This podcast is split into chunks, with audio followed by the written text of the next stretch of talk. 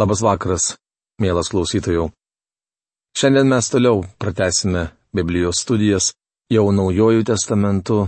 Jūs pamenate, kad praėjusioje laidoje mes iš Senojo testamento Jeremijo raudų knygos persikėlėme į naująjį ir pradėjome nagrinėti vieną iš apaštalo Pauliaus laiškų, pastoracinių laiškų, skirtą Timotiejui. Praėjusioje laidoje mes su jumis apžvelgėme laiško pratarmę ir laiško planą. Šiandien pradedame nagrinėti pirmąjį šios knygos, arba kitaip vadinamo laiško, skyrių, kurio tema - bažnyčios tikėjimas. Mūsų tėve, mes dėkojame tau, kad tu surinki mus, kaip višta surinka viščiukus po sparnais, nes tu esi rūpestingas ir mylintis, be galo gailestingas savo kūriniams, kada mes viešpate nusisukame, nusigrėžėme savo gyvenime nuo nuodėmės ir atsigrėžėme į tave. Kada paprašom tavęs, Dieve, ateiti į mūsų gyvenimą ir būti tą kelrudę žvaigždę, parodančią mums savo valią, kiekvieno iš mūsų gyvenimui. Ačiū tau už šį vakarą, už laiką, kurį galime skirti, tam, kad prisiliestume prie tavo žodžio ir išgirstume tai, kad tu esi paruošęs pranešti mums per apaštalą Paulių, kuris, vedamas tavo šventosios dvasios, užrašė tuos pamokymo žodžius jaunam pamokslininkui Timotėjui. Meldžiame, kad mes kiekvienas pasimokintume tavo tikėjimo tiesų.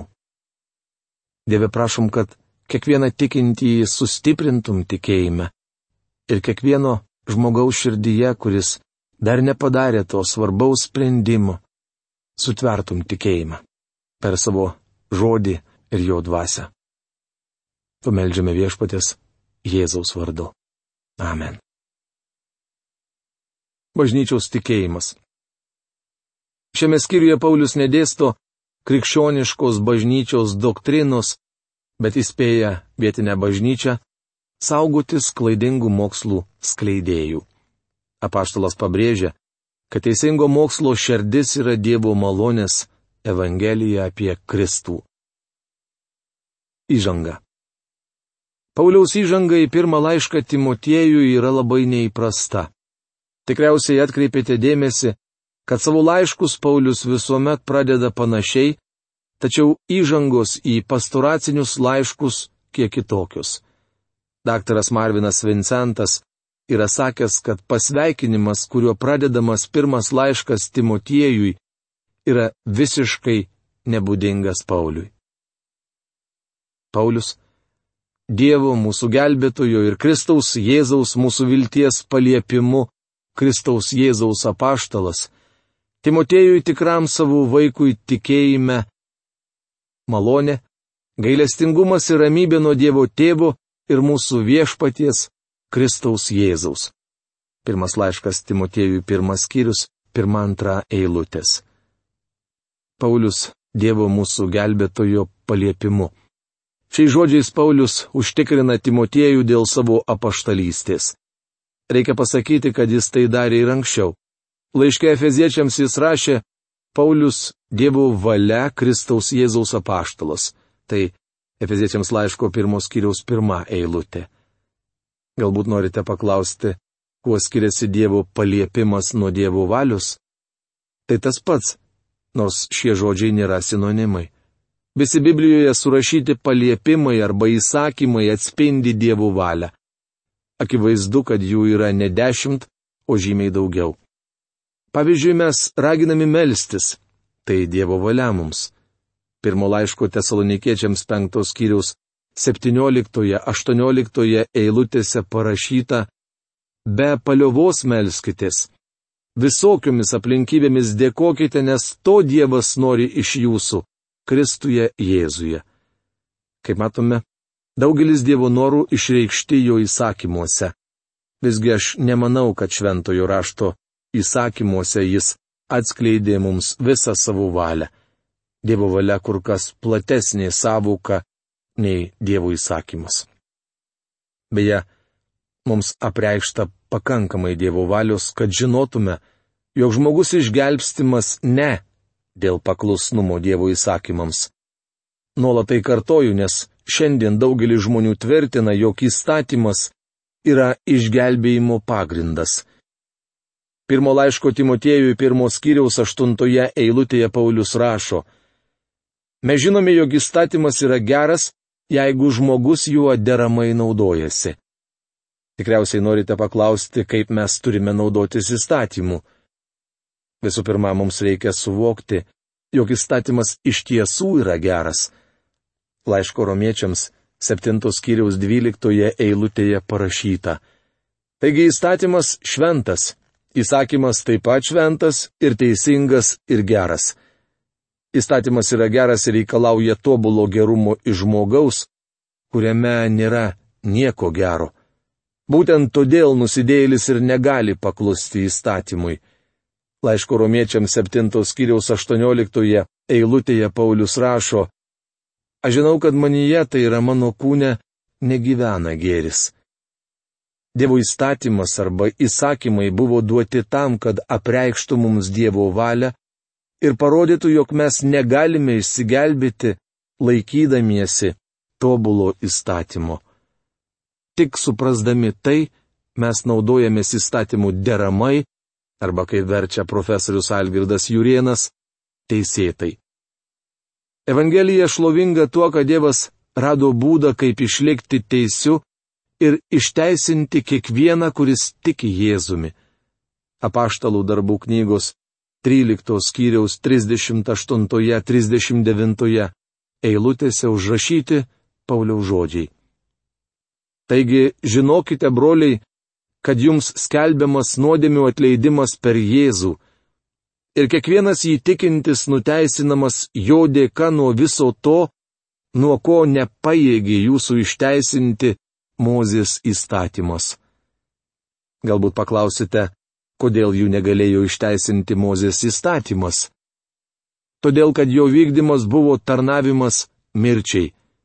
Įstatymas pasmerkė žmonės įstatymas buvo duotas ne tam, kad mus išgelbėtų, bet tam, kad parodytų mums, jog Dievas šventas, o mes su jumis nešventi. Dievas rado būdą išgelbėti mus, ir tas būdas yra Kristaus kryžius. Mielas bičiuli, viešpats Jėzus Kristus yra kelias pas Dievą. Evangelijos pagal Joną 14 skyriaus 6 eilutėje parašyta Aš esu kelias, tiesa ir gyvenimas. Dar kartą kartoju, kad įstatymas nenuves jūsų pas Dievą. Kristus yra kelias pas jį. Rašydamas laišką Efeziečiams Paulius sakė tiesą, jog jis buvo apaštalas Dievo valia. Tačiau jaunam pamokslininkui Timotėjui jis rašė, aš esu apaštalas Dievo paliepimu. Jis padarė mane apaštalu.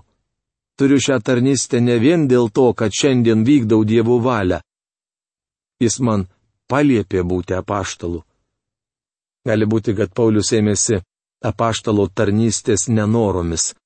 Esu tikras, jog jis būtų radęs rimtesnių pasiteisinimų negu Mozė. Jis nevaikščiojo su viešpačiu Jėzumi trejus metus, kaip kiti apaštalai. Paulius nepažinojo Kristaus jo žemiško kūno dienomis, kitaip sakant, jis pažinojo Jėzų tik kaip pašlovintą Kristų. Paulius sakėsi nesas, vertas būti apaštalu. Tačiau viešpats Jėzus tarė, aš tau liepiu. Štai kodėl šis vyras galėjo drąsiai skelbti Evangeliją sinagogose priešiškai nusiteikusiems ateiniečiams ar grupiai baisių nusidėjėlių Korinte. Jis buvo karys vykdantis vado nurodymus. Apaštalas Dievo paliepimu. Ne pavedimu, bet paliepimu. Niekas nedėjo ant Pauliaus rankų, kad padarytų jie paštalų. Šią galę jam asmeniškai suteikė viešpats Jėzus. Kaip prisimenate, tokią pat galę turėjo ir Jeremijas. Šis vyras buvo gležna žibuoklė, minkšto širdies žmogus verkiantis pranašas, tačiau skelbė griežčiausią Dievo žinę. Kaip tai paaiškinti? Matote, Jeremijas buvo karys, vykdantis Dievo įsakymus. Ir šiandien kiekvienas, kuris kalba Dievo vardu, turi daryti tai su gale arba laikyti liežuvį už dantų. Dažnai iš sakyklos sklinda tokios kalbos. Jei nors kiek tikite, tai gal ir būsite išgelbėtas. Svarbu, kad nors šiek tiek tikėtumėte Jėzumi. Jei tai viskas, ką galite pasakyti, verčiau neprasižiokite. Paulius buvo apaštalas, kalbėjęs apie Dievą su gale. Toliau Paulius rašo, Dievo mūsų gelbėtojo. Galbūt kas nors paklaus, ar Dievas yra mūsų gelbėtojas? Žinoma, kad yra. Evangelijos pagal Jono 3 skyriaus 16 eilutėje parašyta, Dievas taip pamilo pasaulį, jog atidavė savo viengimį sūnų. Tai reiškia, kad Dievas parūpino auką ir viešpats Jėzus atėjo į šią žemę pasiaukoti. Toliau Paulius savo pasisveikinime rašo, ir Kristaus Jėzaus mūsų vilties. Galbūt jums atrodo keista, kad Kristus vadinamas mūsų viltimi, nes toks apibūdinimas Biblijoje pasitaiko retai. Iš tikrųjų viešpats Jėzus vadinamas viltimi tik čia ir laiško kolosiečiams pirmos kiriaus 27 eilutėje. Kristus jumise garbės viltis. Viešpats Jėzus mirė dėl to, kad jūs išgelbėtų ir prisikėlė, kad išlaikytų jūs išgelbėtą. Vieną dieną jis ateis pasimti jūsų pas save, jei esate jo, ir užbaigti išgelbėjimo. Jis yra mūsų tikėjimas, kai atsigręžiame atgal. Meilė, kai žvalgomės aplink. Ir mūsų viltis, kai žvelgiame į ateitį. Tačiau iš tikrųjų mes visą gyvenimą turime viltį kurį remiasi viešpačiu Jėzumi Kristumi. Kaip jau minėjau, Paulius šį laišką skyrė Timotiejui. Šis vardas susideda iš dviejų graikiškų žodžių, kurie reiškia tas, kuris yra brangus Dievui. Timotiejus buvo brangus Dievui, apaštalui Pauliui ir vietinėms bažnyčioms. Apie Timotiejų rašoma apaštalų darbų knygoje, o taip pat laiškuose Efeziečiams ir Filipiečiams. Iš šių šaltinių žinome, kad jo tėvas buvo graikas. Timotėjaus senelė Loidė ir motina Eunikė įtikėjo Kristų anksčiau už jį. Šis jaunas vyras gyveno Listroje, kur Paulius buvo apsvaidytas, o tiksliau užmėtytas akmenimis. Manau, kad tuomet apaštalas iš tikrųjų buvo prikeltas iš numirusių, ir šis įvykis galėjo būti susijęs su Timotėjaus atsivertimu. Manau, kad Timotiejus, kaip ir daugelis jaunuolių, buvo gana skeptiškas. Gali būti, kad stebuklingas Pauliaus prikelimas iš numirusių padėjo jam patikėti viešpaties galybę ir atvedė jį į atgailą. Kaip žinome, po atsivertimo Timotejus tapo ištikimu Pauliaus sekėjų. Šis jaunas vyras turėjo gerą vardą. Apaštalų darbų knygos 16 skyriuje nuo antros iki penktos eilutės apie jį rašoma. Kadangi Listros ir Ikonijaus broliai apie jį gražiai liudijo, Paulius panorėjo jį padaryti savo palydovu. Paėmęs, apipjaustydino jį dėl žydų gyvenančių tame krašte. Mat visi žinojo jų tėvą esant graiką. Keliaudami per miestus, jie liepdavo tikintiesiems laikytis Jeruzalės apaštalų bei vyresniųjų priimtų nutarimų. Taip bažnyčiaus vis stiprėjo tikėjimu ir kasdien augo skaičiumi. Talkininkaudamas Pauliui Timotėjus pelnė visišką jo pasitikėjimą, nors kai kurie kiti bažnyčių nariai pasirodė nesą tikri broliai ir apaštalą apgavo. Kiekvienas pastorius džiaugiasi turėdamas bažnyčioje nuostabių bičiulių. Nuo 1940 metų gyvenau ir tarnavau Pasadenoje, Kalifornijos valstijoje. Tai šiandien ten sutinku žmonių, kurie pažino viešpatį 1940 ar 1941 metais. Jie vis dar seka viešpaties pėdomis ir yra gerybei ištikimi mano bičiuliai. Štai kodėl mes įrengėme savo būstinę Pasadenoje. Šiame mieste mes turime visą būrį nuostabių, ištikimų draugų. Paulius pažinojo nepatikimų žmonių, tačiau Timotiejumi jis galėjo pasikliauti. Laiško filipiečiams antrame skyriuje nuo 19 iki 23 eilutės apaštalas rašo. Aš turiu viešpatyje Jėzuje vilti netrukus pasiūsti pas jūs Timotiejų, kad būčiau ramus, sužinojęs, kaip jums sekasi. Mat neturiu kito pasintinio, kuris taip nuoširdžiai jumis rūpintųsi. Visi kiti ieško ne Jėzaus Kristaus, bet savo naudos. Apie jį žinote, kad jis tinkamas, nes Evangelijos labui jis su manimi tarnavo kaip sunus su tėvu. Taigi, kai tik paaiškės mano byla, turiu vilti tučto jau jį pasiūsti.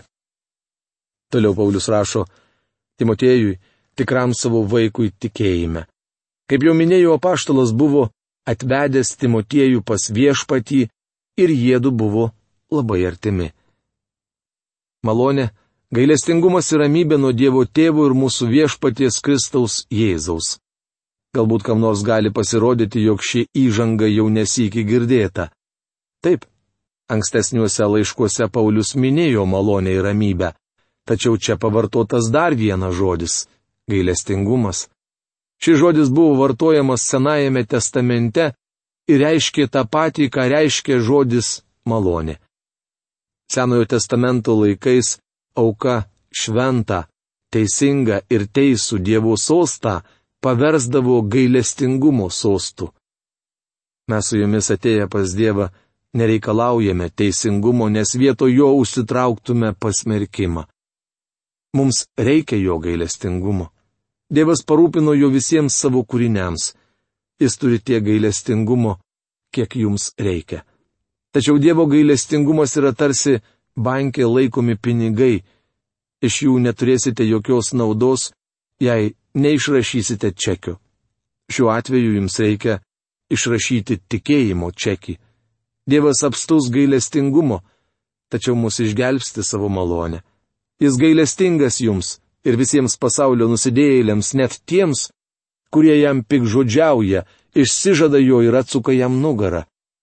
Dievas siunčia lietų teisiems ir neteisiems, jis nepataikauja net saviesiems. Šiandien nusidėjėliai lopsta ir klesti. Dažnai atrodo, kad jiems sekasi geriau negu Dievo vaikams. Matote, Dievas gailestingas nusidėjėliams. Tačiau jei norite ateiti pas jį, turite artintis tikėjimu, kitai tariant, išrašyti tikėjimo čekį, tuomet Dievas išgelbės jūs savo malonę. Žodžiai - meilė, gailestingumas ir malonė yra savotiška trejybė. Dievo meilė egzistavo dar prieš tai, kai jis galėjo parodyti savo gailestingumą ir malonę. Dievas yra meilė. Tai jo esybė, jo savybė. Dievo gailestingumas patenkino nuodėmingo žmogaus poreikį, o malonė yra laisvė išgelbėti, nes ji reiškia, kad visi Dievo šventumo reikalavimai įvykdyti. Kadangi Dievas gailestingas, galite ateiti pas jį ir jis išgelbės jūs savo malonę. Jums nereikia nieko atnešti. Iš tikrųjų net negalite jam nieko atnešti, nes Dievo akise tai te būtų suteršti skudurai. Gerų darbų religijos atstovai galvoja, jog jiems nereikia Dievo gailestingumo, nes juos neba išgelbės jų geri darbai. Pažinojau vyrą, kuris net gulėdamas mirties patale sakė man, pamokslininkė, tik nesakykite, kad man reikia gelbėtojo Kristaus, Dievo gailestingumo ir malonės. Man viso to nereikia. Esu pasiruošęs stoti prieš jį toks, koks esu. To vyriškio senelis papasakojo man, kiek jis per savo gyvenimą yra nuveikęs gero. Sužinojau, kad tas žmogus dosniai dalyjo labdarą, triūsė našlaičių prieglaudoje ir taip toliau. Jis buvo tikras geradarys ir ketino pats ginti savo bylą prieš Dievą. Bičiuli, kai jums iš tikrųjų prireiks išgelbėjimo, tariamas išgelbėjimas gerais darbais pasirodys bevertis. Tuo tarpu išgelbėjimas, kurį parūpina Dievas, įgalins jūs daryti tai, kas iš tiesų gera Dievo akise. Žmogaus teisumas jo akise yra tik suteršti skudurai. Taigi mes jau įsitikinome, jog čia, bei kitose pastoraciniuose laiškuose, Paulius vartoja posakius, kurių nerasime kitose jo parašytose Naujojo testamento knygose. Akivaizdu, kad šiems jauniems pamokslininkams apaštalas kalbėjo intimiau ir asmeniškiau negu savo viešuose pasisakymuose ir laiškuose. Ar nenorėtumėte pabūti Timotėjaus vietoje, pakeliauti su Pauliumi ir išgirsti, kaip jis atveria jums savo širdį ir mintis? Bičiuli, Dievo dvasia yra šalia ir kalba mums per laišką, kurį Paulius parašė Timotėjui. Nors pirmas laiškas Timotėjui intimus ir asmeniškas, jame kalbama apie vietinės bažnyčios reikalus, apie tikinčiųjų kūną, atsiskleidžiantį bendruomenėje. Beje, noriu pasakyti, kad kiekvienas tikintysis turėtų priklausyti kokiai nors vietiniai bažnyčiai. Toliau analizuodami Pauliaus pasisveikinimą matome, kad jis rašo Dievo tėvo. Kosto burbulio Biblijos vertime sakoma Dievo mūsų tėvo. Ši frazė reiškia, kad Dievas yra Pauliaus ir Timotėjaus tėvas. Mielas bičiuli, jei esate priėmęs Kristų, jis yra ir jūsų tėvas. Dievas yra mano tėvas, nes aš priemiau Kristų ir tapau Dievo namiškiu. Tai neapsakomai nuostabi privilegija. Būdamas fariziejumi, Paulius negalėjo Dievo vadinti savo tėvu. Toliau paštalas rašo mūsų viešpaties Kristaus Jėzaus. Brangus bičiuli, vietinėje bažnyčioje visa turi būti daroma Kristaus vardu ir jo paliepimu. Jis yra bažnyčios galva ir viešpats. Jau minėjau, kad viešpats Jėzus kalbėjo, kam vadinate mane? Viešpatė, viešpatė, o nedarote, ką sakau. Leiskite paklausti, ar jis negalėtų to paties pasakyti kai kuriems iš mūsų? Jėzus įspėjo, jog teismo dieną daugelis klaus, viešpatė, viešpatė, argi mes nedarėme šito, to ir ano? triūsėme dėl tavęs kaip termitai. Tačiau viešpats turės atsakyti jiems, aš jūsų net nepažįstu. Jūs nedarėte to mano vardu, nes neieškojote mano valios ir nenorėjote man paklusti. Negana vadinti jį viešpačiu, privalome paklusti jam kaip viešpačiui. Mielas klausytojų, kuriojegi barikadų pusėje jūs? Mano palinkėjimas jums surasti atsakymą. Iki kito susitikimo. Sudė.